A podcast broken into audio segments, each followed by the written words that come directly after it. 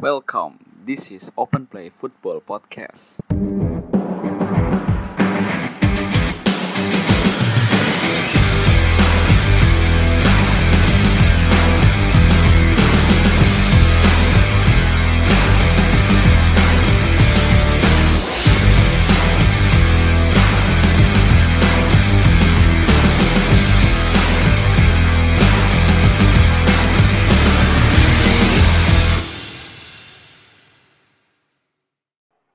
Datang di uh, Open Play Football Podcast episode ke episode ke-9. Ya, seperti biasa, episode ke-9 ini gue ditemani sama dua temen gue. Pak Ais, gimana Ais? Kabarnya Ais? Ya, alhamdulillah. Ngantuk Ais? Sumpah lemes, woi. MU nih lemes banget transfernya. Sabar, sabar. Sebelum sebelum bahas MU kita ini juga perkenalan dulu nih. Gimana Go? Kabarnya Go?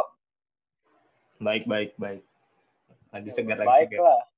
Lagi seger lah, gila lu. Rangkanya seger-seger banget, anjir. Banyak banget yang dateng. Ya, sebelum kita eh, masuk lebih dalam lagi nih. Musim ini English Premier League atau eh, Liga Inggris sudah mulai ya, di eh, beberapa pertandingan di pekan satu sudah eh, dilaksanakan. Di match pertama itu ada Fulham lawan Arsenal, yang di mana Arsenal menang ti- 3-0. Eh, Willian membuat debut yang sangat cemerlang dengan dua assist dan tiga golnya dicetak oleh Alexander Lacazette, Gabriel Ma- Magalhaes, dan Aubameyang. Lalu juga ada Crystal Palace lawan Southampton yang dimenangi sama Crystal Palace yang mencetak gol Crystal Palace yaitu Wilfried Zaha seperti biasa ya Wilfried Zaha. Lalu eh, ada Newcastle West Ham yang mana Newcastle menang lewat golnya Callum Wilson Eh, datang dari Bournemouth lalu ada gol lalu gol keduanya dicetak sama Jeff Hendrick. Terus di- terus selanjutnya ada Leicester West Brom yang di mana Leicester menang 3-0 gol debutan baru Timothy Castagne dan dua penalti dari Jamie Vardy. Lalu ada Tottenham Everton yang di mana eh, yang di mana sesuai dugaan gitu ya sesuai prediksi kita semua Everton bisa menang lawan Tottenham. Ya, walaupun eh, Everton banyak peluang dari Richarlison. Tapi yang mencetak gol dari Everton adalah Dominic Calvert-Lewin Calvert-Lewin. 1-0 untuk Everton. Nah ngomong-ngomong pertandingan-pertandingan eh, Barclays Premier League ada satu pertandingan yang menurut gua eh, cukup menarik yaitu ada Liverpool lawan Leeds di mana skor akhirnya itu 4-3 nah eh, di sini di pertandingan ini Mu- Muhammad Salah mencetak hat trick lalu gol eh, satunya lagi dicetak oleh Virgil van Dijk. Sementara Leeds itu dicetak sama Jack Harrison Patrick Bamford dan Matthias Klitsch. Nah ini pertandingan yang, cukup menarik menurut gua karena eh, Leeds sebagai tim promosi bisa eh, istilahnya bisa dibilang lebih menguasai pertandingan eh, pada saat eh, Liverpool lawan Leeds ini. Nah, menurut lu kok gimana pertandingan Liverpool lawan Leeds kemarin yang kita juga kaget kan semuanya eh, Leeds bisa main sangat terbuka, Leeds bisa main sangat berani dengan formasi mereka yang juga eh, bisa dibilang cukup terbuka gitu ya. Iya, eh, gua tuh sebenarnya sempet apa research juga sih. Gua nontonin eh, match-matchnya Leeds juga waktu itu. Memang mainnya mainnya masih kayak gitu juga sih menurut gua. Eh, masih masih sangat berani, masih sangat apa tensinya itu tinggi banget gitu. Cuma Hmm. eh, eh, sangat disayangkan gitu. Gol-gol Leeds itu dari individual error semua kan. Eh, Iya iya iya. Salah yang pertama tuh si Robin Koch terus gol kedua tuh yang itu ya yang salah eh ini ya Vir- Virgil ya VVD Virgil, Virgil Sindul. Virgil Virgil Itu. mundur itu gol kedua salah siapa salah si Robin Koch juga kan markingnya itu Ya, lepas marking. markingnya lepas terus gol ketiga juga sundulan dari backnya eh, dari pemain akademi itu kalau nggak salah dan siapa itu yang pemain nomor 21 kalau nggak salah Stru iya ya. Struge itu. Struge, iya Struge. itu kan itu itu juga sangat disayangkan ya Leeds juga nggak nggak di nggak diperkuat sama kaptennya si Liam Cooper makanya kan Mhm. backnya tuh agak-agak ringkih gitu kayak nggak nggak nggak terstruktur gitu nggak ada kayak nggak ada leader gitu terus Hmm. gol yang gol yang terakhir juga penalti itu gara-gara Rodrigo tuh aduh aneh banget tuh padahal dia nggak iya dia eh, nggak ngeliat malah ngangkat kaki dia terakhir cuma mhm.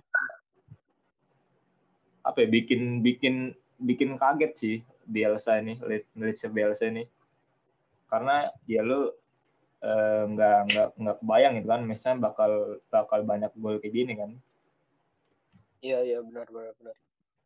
Nah ya kalau nah kalau menurut lu juga nih kan eh, ini sangat kelihatan gitu eh, di mana sisi kirinya eh, Liverpool itu sangat ringkih. Hmm. Walaupun itu ada Alexander Arnold ya itu eh, menurut gua secara pribadi itu eh, Harrison sama Klitsch itu sangat sangat menguasai lini eh, lini tengah lapangan dan lebih spesifik ke lini kiri sih, ke bagian kiri yang mana Alexander Arnold dan Joe Gomez itu sama sekali nggak kelihatan gitu. iya itu itu yang di mana kan eh, itu kan diincer diincer mulu kan sama sama si apa sama si Leeds gitu beberapa kali tuh Harrison sama si eh, si Costa itu tukar tempat terus kan apa Mhm. dia switch posisi terus eh, Hmm. adu adu adu sprint mulu gitu sama TAA yang biasanya TAA maju gitu akhirnya dia terpaksa eh, nggak nggak nggak terlalu ini ya nggak terlalu overlap gitu justru Robertson yang yang yang over, apa overlap dulu apa overlap terus kan Mhm. yang golnya golnya yang dianulir si eh, siapa Sadio Mane ya yang itu kan Robertson maju banget tuh yang di offside Iya iya. Mhm. dan lini tengahnya itu itu berani banget sih jadi dia dia cuma ada Secret sama eh sama siapa satu lagi tuh Hernandez. Si- Hernandez. ya Hernandez sama Hernandez itu di belakangnya si Calvin Phillips gitu yang yang ngatur-ngatur serangannya gitu yang Mhm. aduh gokil banget sih buat gua mungkin Iya, iya. mungkin kalau mainnya tetap kayak gini eh, bakal bakal ya paling nggak maksimal minimal tuh peringkat 10 lah lah. bisa lah kalau mainnya kayak gini terus ya nggak kayak Norwich tahun kemarin gitu Eh, ngomong-ngomong eh, soal permainannya Leeds ya. Ini kan Leeds mainnya sangat berani dan terbuka gitu. Eh, ini mereka baru lawan Liverpool, belum eh, lawan eh, klub-klub Premier League yang lain. Kita kita tahu masih ada Manchester United, Manchester City, Chelsea yang gila-gilaan pada musim ini kan. Lalu juga masih ada Wolves dengan serangan balik mereka yang sangat cepat kan. Ini apa mereka nggak babak belur gitu eh, tengah musim main seperti ini terus kan. Yang mana kita tahu si eh, apa pertahanannya Leeds ini juga belum tentu teruji juga kan. Yang menurut lu gimana tuh Is? Apakah Leeds bakal main terus-terusan kayak gini gitu? Dan ini juga kan main kayak gini sangat menguras tenaga juga. Mm-mm. Yang pertama sih kayaknya kemungkinan itu nggak akan seterusnya main kayak gini soalnya eh, mereka kan juga ngeliat situasi si kontol panjang lah, situasi kondisi toleransi pandangan jangkauan. Kaget gue apa tuh? Dia dia ngeliat sikon juga kan, pasti dia nggak akan main kayak gini juga. Yang kemarin itu kayaknya termasuk culture shock juga baru masuk. eh, udah berapa lama kan vakum dari Premier League. Hmm. tapi tapi eh, skuadnya Leeds ini udah udah di udah di apa udah digenjot abis-abisan gitu sama Bielsa itu. Dua dua tahun di Championship yang di mana eh, latihan fisiknya tuh gila-gilaan kan. Kalau lu baca Hmm. artikel gitu. Di artikel di Iya, iya. di mana entah. Eh, Iya, sering eh, pada pada pada bilang kan apa Leeds ini kan BLC ini kan genjot ini terus kan. Fisiknya itu kan gila banget kan gila-gilaan gitu sampai eh, si BLC juga pernah bilang katanya, ini squad squad yang sekarang masih bisa gua keluarin nih kualitasnya kecuali si itu si yang cetak gol kemarin siapa si Glitch. itu dia bilang Hot. eh, si Glitch tuh Glitch, Di- glitch. Glitch katanya udah udah ini udah nggak bisa gua udah udah mentok nih kualitasnya katanya ini udah nggak bisa gua keluarin lagi katanya kualitasnya Iya, iya, iya, iya, iya. jadi Di eh, balik ya dua kan? di championship juga ya apa cukup terlatih lah fisiknya Ya, itu kan eh, kalau di championship kan eh, apa ya? Kalau gue lihat lawan-lawannya juga kualitasnya nggak sebanding sama di Premier League. Di Premier League juga kan eh klasmen klasmen bawah kemungkinan ada yang apa latih fisiknya kayak gitu cuman emang nggak diekspos aja kali. Hmm. Ya, kalau kata gue sih mungkin ada naik turunnya, tapi satu hal ini kalau dia mainnya konsisten terus kayak dia bisa ngebaca kelemahan-kelemahan dari tim-tim Premier League ya kemungkinan bisa 10 besar. Dan Ya, kemungkinan bisa jadi apa batu ganjalan bagi tim-tim gede. ya will see lah ya. Kalau misalnya mereka tetap main kayak gini ya berarti Premier League bakal makin seru gitu kan. Bukan Hmm. Big Six lagi bisa jadi uh, tahun ini kita bakal ada Big Seven atau Big Eight kan. Nah ngomong-ngomong soal uh, Liverpool di sini, uh, menurut lu uh, Vigo, ini kita lihat Liverpool nggak seperti Liverpool yang tahun kemarin gitu, di mana memang memang mereka masih mengandalkan umpan direct gitu, tapi uh, fullback mereka ini tidak uh, seefektif uh, musim lalu yang mana fullback mereka itu bisa uh, melakukan crossing yang sangat akurat terus mereka langsung bisa nusuk ke area pertahanan. Nah ini nggak tampak waktu lawan uh, Leeds gitu. Nah menurut lu apakah uh, kejayaannya si Liverpool ini ya udah setahun kemarin doang atau mereka ya baru awal mungkin masih apa kultur shock atau gimana mungkin? Iya, cuma Liverpool ini kan eh, dari semenjak dari semenjak COVID kan eh, semenjak sekarang udah udah mulai lu lu biasa biasa nonton Liverpool yang eh, yang gila banget gitu mainnya yang pressingnya apa mainnya umpan-umpannya gitu umpan-umpannya TA sama Robertson tuh nyampe mulu gitu kan Eh, mulai Hmm. dan Krista tuh udah udah mulai menurun kan ininya eh, kualitasnya gitu permainan juga untungnya mereka Iya. waktu musim kemarin kan udah udah nabung tuh nabung poin kan Hmm. Eh, terus juga eh, pas preseason juga pa- padahal squad squad squad full gitu apa squad utama gitu tapi lawan Salzburg juga kesusahan lawan Blackpool juga awal-awal babak pertama tuh kesusahan gitu kan dan waktu eh, Community Shield juga kalah kan sama Arsenal padahal itu udah squad squad utama gitu cuma minus TA doang.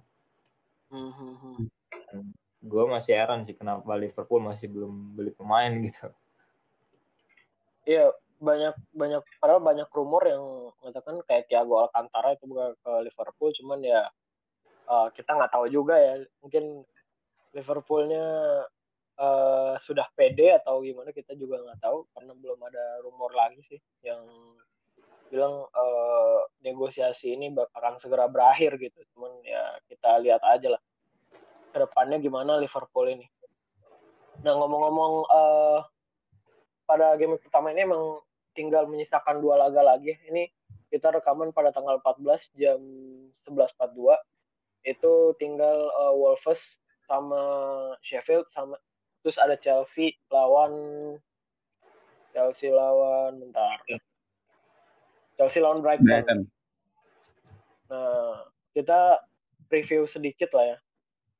Eh, karena ini Chelsea menurut gue sangat menarik gitu.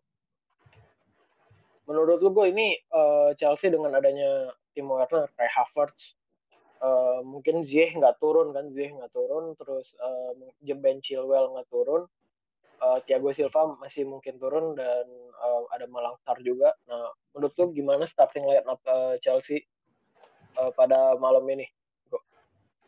menurut gua gua tadi sempat sempat apa ada ada ada apa ya? Kayak rumor gitu rumor uh, rumor line up gitu. Dia bilang Caballero yang jadi Caballero terus uh, backnya itu si Rudiger eh Rudiger siapa? Christensen sama Joma. Fullbacknya itu As fullbacknya itu James sama uh, left backnya Asbi terus hmm. pakai empat dua eh empat tiga eh empat empat dua tiga satu deh double pivot hmm. di Kante sama Jorginho eh, yang di belakang striker si Mason Mount kanannya Havertz kirinya Odoy uh, strikernya Werner gitu itu sih yang yang yang banyak yang banyak uh, dibilang sama jurnalis-jurnalis nah uh, ini dengan formasi kayak gini berarti emang udah tampak gitu praktis ada berapa apa praktis setidaknya ada empat pemain yang sangat fokus untuk menyerang gitu kayak Mason Mount, Timo Werner, uh, Hudson Odoi sama Kai Havertz itu yang benar-benar tipikal mereka menyerang kan. Nah, uh, menurut lu uh, gimana sih ntar jalan jalannya pertandingan gitu kan? Soalnya uh, Chelsea ini udah beli beli habis-habisan juga dan mereka dan mereka juga apa uh, setidaknya udah nurunin Werner sama Havertz gitu. Ntar gimana uh, jalannya pertandingan gitu. Gua masih belum belum belum tahu ya bakal ya, gimana karena uh, uh, yang baru main juga kan sama Lampard kan baru si Werner kan. Dan hmm. Havertz juga gue gua sorry gue nggak nggak terlalu ngulik gitu Havertz. Jadi kemungkinan uh, ya gue gua berharapnya sih nggak apa ya passingnya pasti passingnya tuh nggak nggak muter-muter lagi lah. Masih ada hmm. gue tuh sangat sangat sayang kan ya Ziyech tuh nggak nggak main gitu. Karena itu pembelian Chelsea yang paling gue paling gue tunggu gitu. Cuma ya bakal menarik sih menurut gue karena Chelsea bakal menyerang ya menyerang seperti biasa lah ngepres terus uh, nyerang banget gitu kalau lo gimana is? Kalau gue sih emang uh, di atas kertas uh, megang Chelsea buat menang. Tapi perlu di ini juga. Soalnya uh, si apa Brighton ini punya apa pertahanan-pertahanan yang udah di apa ya buat gue udah agak diribut lah. Udah ada udah ada pondasinya. Kayak dia ngedatengin si Joel Fortman terus ngulangin Ben White dari Leeds sama ada Lewis Dang yang udah pengalaman terus dia kan juga beli Adam Lalana ya kemungkinan ini pertandingan bakal berjalan ya cukup menarik ya agak menarik tapi di atas okay. kertas tetap tetap megang Chelsea yang tetap Chelsea ya ya gue juga juga cukup uh, penasaran ya gimana uh, pertandingan Chelsea lawan uh, Brighton ini Soalnya bukannya mereka waktu itu ketemu di friendly match ya gue ya? Iya. Yeah, satu kan itu. Oh salah. Yang satu sama. Ya, itu satu sama. Kalau nggak salah menit menit lima puluhnya tuh udah pemain akademi semua yang main. Oh gitu. Iya. Cuma ada yeah. sisa di Aspi sama Rudiger sama Kepa kalau nggak salah. Oke. Ya uh... yang turun cuma dua ya? Dua si Harvard sama Werner. Iya, cuma dua. Si Tiago tuh masih katanya masih di karantina katanya. Oh masih masih oh belum di berarti belum di London dia? Dia udah di London cuma gue nggak tahu kenapa katanya masih masih ada itu rulesnya gitu kalau misalnya karena dia habis habis liburan bukan dari bukan dari apa bukan dari PSG langsung kan bukan dari Paris kan oh. ke London dia yeah. yeah. nah oke okay, uh, jadi mungkin itu review sedikit lah ya dari uh, Chelsea Brighton nah uh, ngomong-ngomong soal uh, Premier League nih ini kita kan baru ada di game week 1 kita juga uh, juga mungkin belum ada gambaran besarnya siapa yang bakal juara, siapa yang bakal masuk empat besar dan mungkin. Nah menurut tuh, menurut lu berdua uh, itu kans terbesarnya yang bakal juara tahun ini atau yang empat besar gini kans-kans tim-tim besar lah. Itu gimana gitu? Mungkin dari Faiz dulu kita bahas mungkin dari Manchester United dulu ya. Gimana Is? Hmm, buat gua Manchester United nggak akan juara sih tahun ini. Oh, aduh, udah udah udah udah langsung nih, udah langsung nggak bisa ini. kan nggak Udah ada juga nggak bisa. bakal juara kan nggak akan juara. Cuman tetap masuk apa Big Four sih iya. Oh ya. Untuk zona champion masih percaya diri gua. Cuman untuk juara sih enggak. No no buat MU. Oke oke oke. Eh, cuman Cuman ini sih apa buat juara juga masih abu-abu sih gua masih belum bisa kepegang soalnya dari tim-tim kita juga eh, ngedatengin pemain-pemain yang wah gitu. ya Jadi ya ya. masih kekuatannya masih ngerata kan. Jadi belum tahu siapa yang inkonsisten nanti. Mhm. Cuman apa eh, dengan adanya Van de Beek ini apa nggak bikin eh ini ya Is ya lebih lebih MU lebih bakal lebih mendominasi gitu eh ya pertandingan apalagi khususnya di lini tengah gitu. Kita tahu kan di lini tengah sebelumnya udah ada eh, Bruno Fernandes sama Paul Pogba kan. Sekarang ditambah. Van de Beek apa nggak ada peluang kans yang lebih besar gitu. Ah nggak ada. Kalau dia nggak beli striker nggak bakal ada. Kans buat juara. nggak kalau nggak Kecuali dia mau beli kalau nggak beli back sama aja Iya. Lebih lebih baik juga sih itu. Sentralnya kan dari kemarin juga individual error dari back. Sebagus kiper, sebagus kipernya si Henderson atau De Gea atau bahkan Romero. Hmm. Itu kalau backnya masih si Haji itu out dah. Sama Lindelof. Lindelof juga mana nggak bagus-bagus amat dari tahun kemarin. Oke oke. Cuman ya gue juga tetap berharap ya MU bakal tetap mendatangin eh, mendata apa datangin beberapa pemain tambahan gitu. Yang Amin. ya amin. Yang gue sangat berharap itu Thiago Alcantara. Eh, mohonlah, ayolah Thiago ke- datanglah ke Old Trafford ya. Gue sangat pengen Hey, banget. what? dengarkan curhatan. cuma belum belum ada rumor-rumor ini kan center back? Belum belum belum. Belum. Malah Masih regulan. Malah adanya ini buat pesaingnya Luke Shaw yang ada Reguilon. Gua gua nggak nggak tahu ini katanya sih Luke Shaw itu bakal jadi eh, pelapisnya Wan Bisaka gitu. Jadi Wan Bisaka eh, saingannya sama Luke Shaw. jadi Di- main, main di kanan berarti Iya, dia main di kanan. Nah, di kirinya itu Reguilon sama Brandon. Itu sih yang gua tangkap kemarin. aneh Kemarin juga gua ya. Iya, malah ada opsi juga Shaw ini jadi ini back tengah. jadi back ya? Iya, jadi Iya. back tengah. Aneh banget menurut gua ya, tapi ya. Kalau kalau tiga back oke sih. Kalau dua back nggak tahu gue ya. Kalau main dia main Kalau- empat back itu eh, kalau dia jadi jadi partner misalnya sama Maguire gitu gue nggak tahu. Dia juga kan nggak terlalu tinggi kan gitu. Fisiknya juga Iya, nggak gede amat ya cuman kan eh, di bagian eh, di teng apa di back M di di empat back MU ini perlu ada kaki kiri. Nah, sedangkan MU hampir semua back MU sekarang semuanya kaki kanan gitu. Jadi lagi nyari le- lagi nyari eh, pemain yang kaki kiri sih sebenarnya oleh itu. Butuh untuk build up dari kiri soalnya masih kurang gitu. Maguire kan kanan, Lindelof kanan juga gitu kan. Kalau nggak salah Luke Shaw juga kanan deh. Kiri ya? Lupa gua. kiri kiri lebih ke kanan.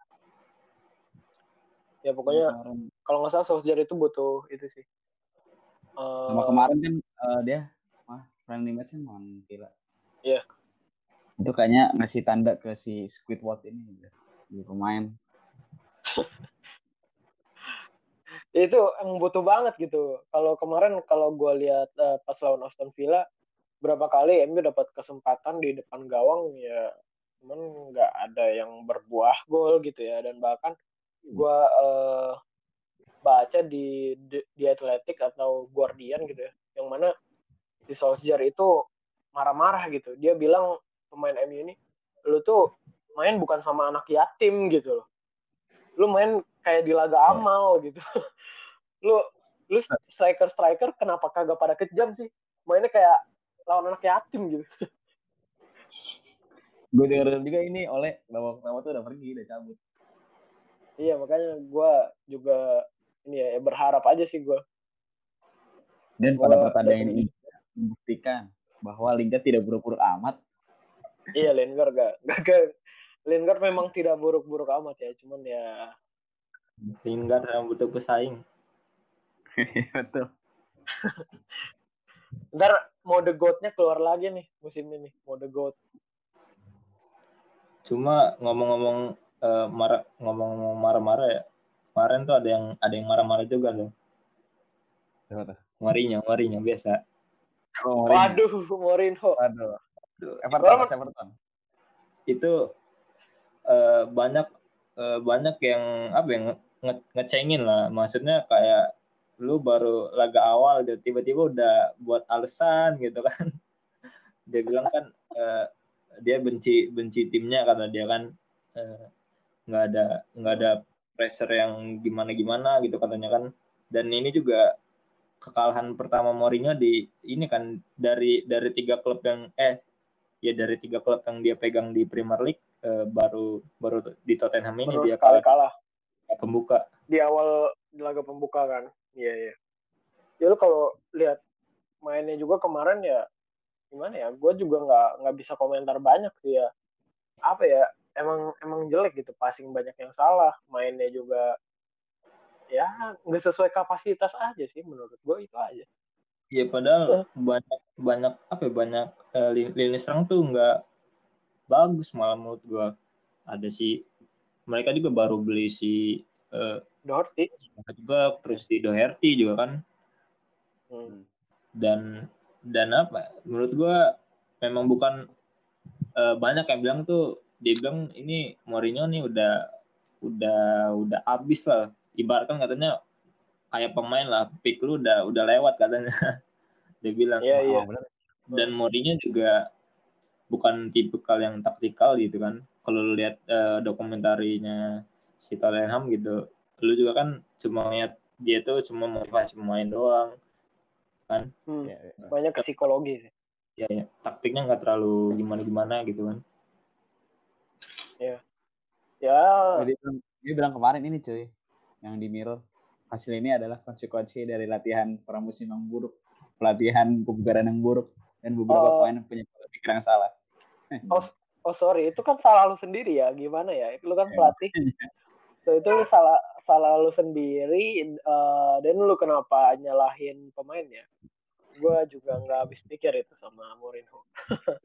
cuma Beda sih. eh, anehnya tuh padahal pas di pramusim itu kan kayaknya Spurs tuh ngebantai ngebantai kalau nggak salah kan cuma dia eh, eh, friendly match yang pertama apa kalau nggak salah dia cuma kalah satu kosong habis itu ngebantai mulu tuh makanya banyak yang bilang eh banyak yang ngambil pemain Spurs di FPL kan jadinya ketipu Iya. Iya, iya. Di prank. Cuman gue nggak nggak nggak nonton sih, nggak nonton gue eh, pramusim pramusimnya Tottenham. Nah, cuman kan kalau lu lihat juga lawannya itu apa? Lawannya Tottenham juga Everton mainnya bia- biasa-biasa aja gitu.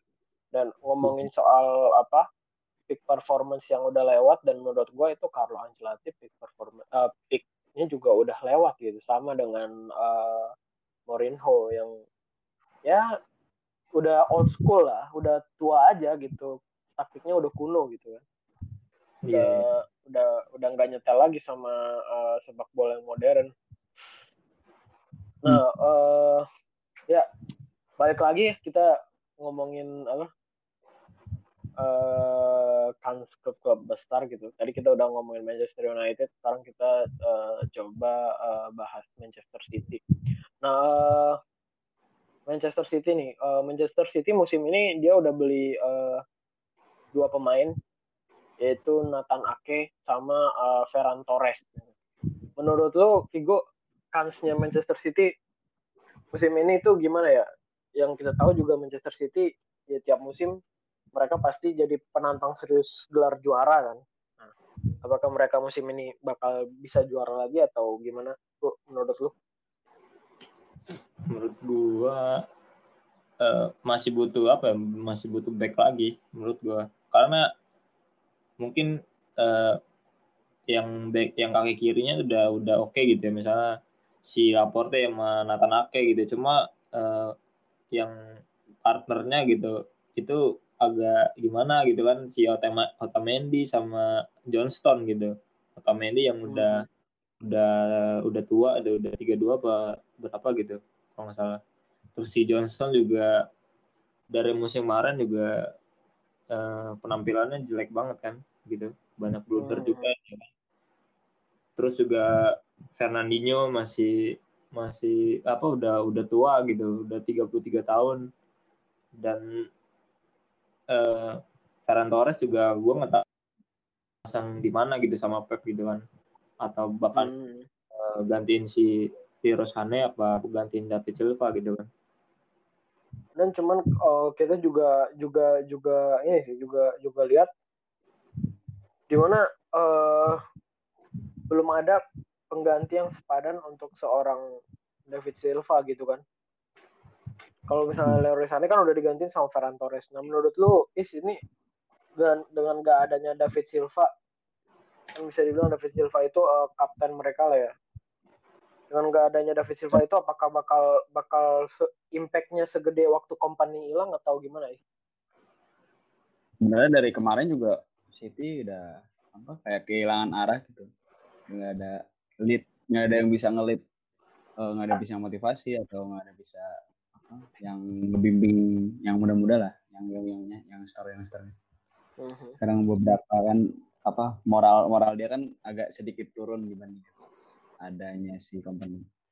Terus juga kemarin juga kan si apa Silva eh, si ini kan siapa eh, Pep nyoba Silva jadi ini kan motivator buat anak-anak muda ya tetap aja cuman ya sosok lah nggak ada peningkatan signifikan ya mungkin buat tahun ini juga masih kurang tahu juga cuman masih ada kan gede buat City untuk juara soalnya kan mereka juga ada beberapa sektor udah dibenahi tapi eh, untuk yang lini tengah juga masih apa masih buat penyimbang masih yang masih si apa Fernandinho itu tadi.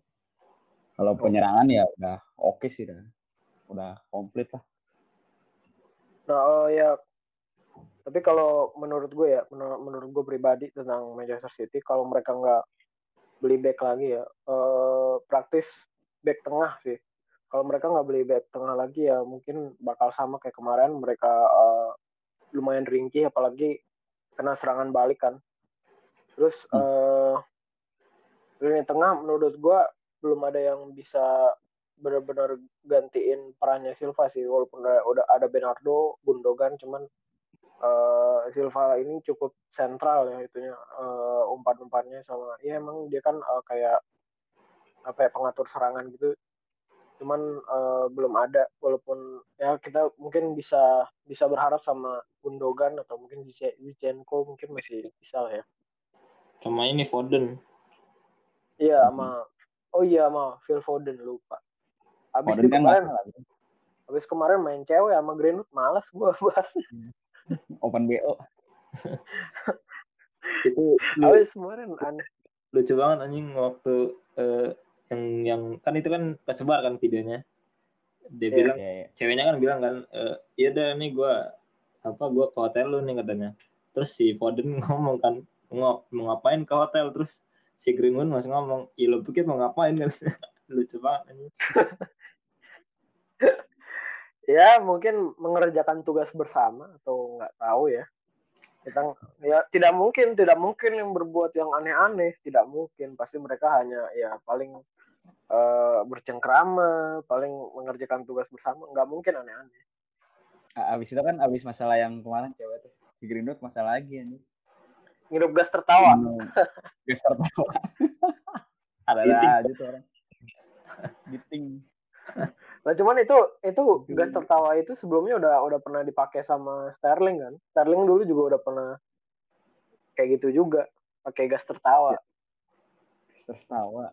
Iya, iya. ini eh, apa eh, wonderkid wonderkidnya Inggris nih lagi lagi di ini banget nih lagi di apa lagi disorot banget kan menurut gue cuma cuma ini sih di antara itu cuma Mason Mount yang kayaknya tuh lurus-lurus saja gitu kan Allah lu mah mentang-mentang mentang-mentang Ya Allah. pemain Chelsea aja itu mah. kalau ada juga yang yang yang diincar sama media juga kan si Odoy itu kan juga jadi jadi makanan media tuh Iya, nggak cuman bukannya mer- si Mason Mount itu kema- tahun kemarin dia ada bikin kasus ya yang langsung dimaafin sama sama Frank Lampard. Yang lu sempet nge-tweet gue, lu bilang apa? Emang enak banget dah apa anak-anakannya Frank Lampard langsung dimaafin. Apa ya waktu itu? Oh Gua itu deh. itu yang ini yang ngelanggar apa? Eh, yang dia main, main sama itu si Declan Rice ya waktu lockdown pertama kali. Oh iya iya, dia ngelanggar lockdown ya. Iya, yang dia eh, kalau main basket tuh kalau nggak salah ya, lupa gue. Aduh, gue juga juga lupa sih waktu itu kasusnya apa itu kalau nggak salah waktu waktu libur libur libur corona itu kan ya Iya waktu waktu Odoy kena itu Odoy kena iya covid waktu awal-awal itu. Heeh. Waktu awal-awal eh, di ditunda gitu itu Maisman juga cuma eh Maisman juga sempat itu kan di di fitnah yang dia dia, dia dibilang katanya nggak seneng adanya kayak Havertz gitu. Oh, Padahal kan hoax iya. Ah, langsung langsung di tweet sama bapaknya tuh di reply diketawain katanya bullshit Iya. gitu. itu kan yang ngomong kalau nggak salah salah satu eh, apa jurnalis yang lumayan trusted di transfer transfer Jerman ya Christian Falk gitu kan Iya. Pokoknya kalau itu kalau nggak ada hubungannya sama Bundesliga itu nggak usah dipercaya lah kalau bukan eh, bukan jurnalisnya ini ya Premier League ya. Eh, ya gue waktu lihat eh, apa berita itu si anjing. Berita apaan nih anjing? Sampah banget kata gue ngegoreng gosip anjing. Iya digoreng anjing. Langsung di ini kan sama bapaknya kan. iya langsung di reply sama bapaknya Mason Mount kocak kocak. Wah, ngomong-ngomongin Mason Mount nih kita eh, bahas Chelsea kali ya. Nah, Chelsea eh, musim ini bisa dibilang eh, banyak yang ngomong mereka menang di bursa transfer. Jadi eh, star mereka mereka yang paling bagus lah di mana mereka bisa datengin banyak pemain hebat kayak Timo Werner kayak Havertz. Terus ada Hakim Ziyech Thiago Silva Malang Sar lalu terus nanti juga ada kipernya itu siapa namanya? Gue lupa. Edward Mendy. kiper Lille. Bernard Ah, Mendy. sama Edward Mendy yang eh, kata apa jurnalis-jurnalis terkenal itu udah tinggal eh, announcement-nya beberapa hari lagi. Nah ini cukup ngeri juga kalau ngelihat line up-nya eh, Chelsea eh, musim ini yang di mana kan musim lalu mereka banyak ngandelin pemain akademi, banyak ngandelin pemain muda dan banyak juga pandit-pandit di Inggris sana yang bilang eh, kalau Chelsea ini nggak sekelas lah sama tim-tim eh, kayak Manchester United, eh, Liverpool sama Manchester City. Nah dengan adanya pemain-pemain baru gini, menurut gua sih, menurut gua itu eh, squad squad depth-nya itu juga udah lumayan eh, setara lah dengan mereka kayak gini. Nah menurut lu, Igo sebagai eh, apa anak London nih, akamsinya Chelsea, lu, lu eh, gimana kansnya Chelsea musim ini itu? Bakal mereka bakal langsung juara atau gimana pada musim ini? Gua kalau gua pribadi ya paling enggak nggak nggak ketinggalan jauh sama Liverpool sama Man City lah menurut gua. Itu gua nggak terlalu gua nggak mau apa ya berharap apa-apaan lah. Paling enggak paling enggak eh, bedanya jangan 10 poin lah. Kemarin kan udah 30 poin. paling enggak 5 poin. Iya iya iya. Gue peringkat 4 juga nggak nggak masalah buat gue asal asal eh, beda poinnya kayak cuma tiga lah apa empat. Itu masih masih oke lah buat gue dan yang yang paling gue sorotin tuh cuma eh, Hakim Ziyech doang sih. Karena itu pemain yang yang yang gue tunggu banget gitu. Karena gue gue juga Iya iya. gue banyak banyak nonton dia gitu. Terus juga gue baca di Daretik tuh eh, dia bilang Ziyech ini bakal bakal jadi sentralnya Chelsea gitu kan karena eh, Hmm. yang kalau lu tahu juga ya crossing crossingnya juga gila banget kan dan kalau gue baca di atas juga dia tuh peringkat ketiga setelah eh, si KDB sama TAA tuh eh, akurasi ininya crossingnya Akurasi crossingnya. ya dan ya as dan didukung sama striker eh, Timo Werner gitu yang musim kemarin 28 gol dan Nah, untuk- iya, iya. untungnya walaupun eh, beli Thiago Silva ya, Thiago Silva yang 36 tahun, ya masih oke lah Hmm. buat, buat jadi leader di di Chelsea karena backnya tuh kayak nggak ada nggak ada leader gitu. Iya iya iya iya iya. Nah cuman eh, dengan ngelihat eh, posisi Chelsea yang sekarang gitu eh, cukup menarik sih untuk eh, nanti eh, menantikan eh, gimana sih eh, Frank Lampard gitu formula apa yang bakal dilakukan sama Frank Lampard eh, dengan pemain-pemain bintang ini gitu. Kita kita tahu eh, mereka kema musim kemarin itu eh, tanpa pemain bintang hanya mengandalkan pemain eh, dari akademi mereka bisa finish di empat besar yang ya yang bisa dibilang itu sangat sangat eh, mengejutkan dan sangat sangat bagus lah. Kita lihat aja musim ini mereka eh, finish di posisi berapa. Kalau misalnya mereka finish eh finish di bawah MU ya gue ketawain habis-habisan sih. Gue aja habis-habisan. Itu gue kata kata katain puas sih. Lu nggak ada alasan lagi musim ini. Gitu. Cuma ini terakhir terakhir ya gue mau nanya nih. Eh, menurut menurut lu berdua eh, di antara Chelsea Chelsea MU sama Chelsea MU eh, Arsenal sama Tottenham yang Big Six-nya. Menurut lu siapa nih yang yang yang paling yang paling oke masuk top 4 gitu? Kan kan dari siapa nih? asum- asumsi asumsi eh, Liverpool sama Man City udahlah satu dua lah ibarat gitu lah kualitas itu kan masih Mhm. di atas banget kan Hmm. lu, lu dulu is gimana is Kalau gue sih, aduh, kayaknya MU masih masuk Big Four sih.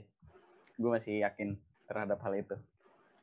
Hmm. Sama untuk ini sama satu lagi berarti eh, Chelsea untuk kemungkinan musim. Kalau Arsenal kayaknya dia naik ke Eropa dikit lah. Karena kan kemarin peringkat 8 tuh. Agak naik dikit biar seneng kan. iya iya Kalau pertandingan pertama juga lawan Fulham kan ya Fulham. Tim sekelas Fulham ya emang layak dibantai. Tapi kita will see nanti sih lihat nanti. Tapi kemungkinan masih gue masih megang MU sama Chelsea. kalau lu tan gimana tan ya eh, well ya gue masih ya sama sih kayak Faiz apa yang sama sama yang dibilang Faiz kalau ngeliat dari squad depth sama eh, apa kedekatan pemain sama pelatih yang eh, ya menurut gue Chelsea sama MU lah. Gue tahu Chelsea itu Frank Lampard orangnya cukup friendly di mana mereka eh, dia di mana dia bisa rangkul pemain kan. Eh, buktinya dia bisa dapat dapetin pemain bagus dengan harga yang cukup gue cukup miring lah menurut gue bisa. Iya iya. harga yang yang nggak terlalu mahal lah Harga-harga Alpha Midi ya. iya, harga Alfamidi lah ya. Promo Alfamidi hari Promo. Minggu. Eh hari Jumat. Hari Hari Jumat. hari Jumat. Hari Jumat. Nah itu menurut gue udah satu nilai plus buat eh, Frank Lampard ya. Ya dia bisa jelasin apa? Deliver eh, maksud project dia gimana musim depan dan gitu gitulah ya. Menurut gue Chelsea sih. Kalau MU ya kita tahu lah MU eh, squadnya kayak gimana musim lalu kayak gimana mereka itu kalau misalnya Bruno Fernandes masuk dari awal musim mungkin itu MU bisa peringkat dua sih menurut gua atau ya mungkin bisa musik Liverpool lah. Cuman ya namanya takdir kan si itunya masuknya habis dari apa habis paruh musim pertama gitu. Nah mereka habis paruh musim pertama juga nggak terkalahkan di Premier League ya kita lihat aja sih. Dengan adanya Van de Beek juga nih eh, apa lini tengahnya MU juga makin mengerikan. Kan ya, ya cocok lah. MU Chelsea lah menurut gue masih masih sama sih Big Four nih menurut gue Liverpool City MU Chelsea sih. Kayaknya sih gitu. Nah gua gua tuh sebenarnya ini apa uh, menurut gue yang yang yang bakal jadi tanda kutip underdog itu Arsenal sih menurut gue karena uh, Arsenal semenjak Arteta tuh itu bedanya kayak bumi langit gitu. Pas lu lihat waktu zaman Emery gitu uh, Arsenal tuh build upnya kacau lah gitu. Pemainnya bingung mau ngoper mana gitu. Si David Luiz juga masih sering blunder terus si Holding sama eh Holding siapa? Si Sokratis sama Mustafi juga badut gitu kan. Terus uh, hmm. sekarang semenjak semenjak ada Arteta main eh, tiga empat tiga dan kayaknya tuh build up dari belakang bukan kayaknya uh, build up dari belakang tuh kayak tenang gitu. Kayak lu lihat waktu golnya di uh, Community Shield gitu yang golnya hmm. Aubameyang itu kan uh, bola dari belakang passing passing passing yeah. tiba-tiba crossing Aubameyang finish terus juga uh, hmm. Fulham juga kemarin golnya kayak gitu juga kan kayak gol gol yang dilatih lah gitu jadi yeah, itu yeah, yeah. bakal jadi menurut gua Arsenal bakal bakal jadi kejutan sih menurut gua apalagi nanti kalau dapat kalau dapat ini ya dapat si Asam Awar gitu Ya, uh, menurut gue ya patut dicermati juga sih Arsenal ini. Mereka uh, dalam beberapa uh, pertandingan terakhir mereka musim kemarin mereka bisa ngalahin MU back to back, terus Liverpool kalah dua kali sama mereka, Chelsea juga kalah juga sama mereka, terus mereka juga bisa ngalahin City ya. Uh, cuman menurut gue dengan pemain yang uh, masih mediocre sih ya menurut gue. Pemain mediocre ini ya Arsenal uh, ya lima lah. Peringkat lima oke okay lah buat mereka. Iya yeah, yeah. cuman cukup bahaya juga. Soalnya kan uh, ngelihat mereka tahun kemarin kalau ketemu Big Four itu uh, mendadak ya. Kayak mendadak jago aja gitu. Gue nggak tahu kenapa. Cuman ya gitu sih. Kalau Arsenal gue kurang kurang kurang jarang nonton Arsenal juga sih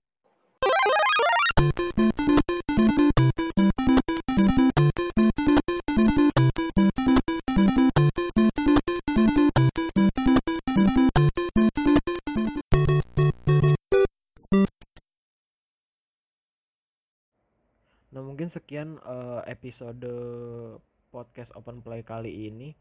Semoga dapat menghibur teman-teman yang lagi lockdown di rumah ataupun yang harus keluar untuk bekerja.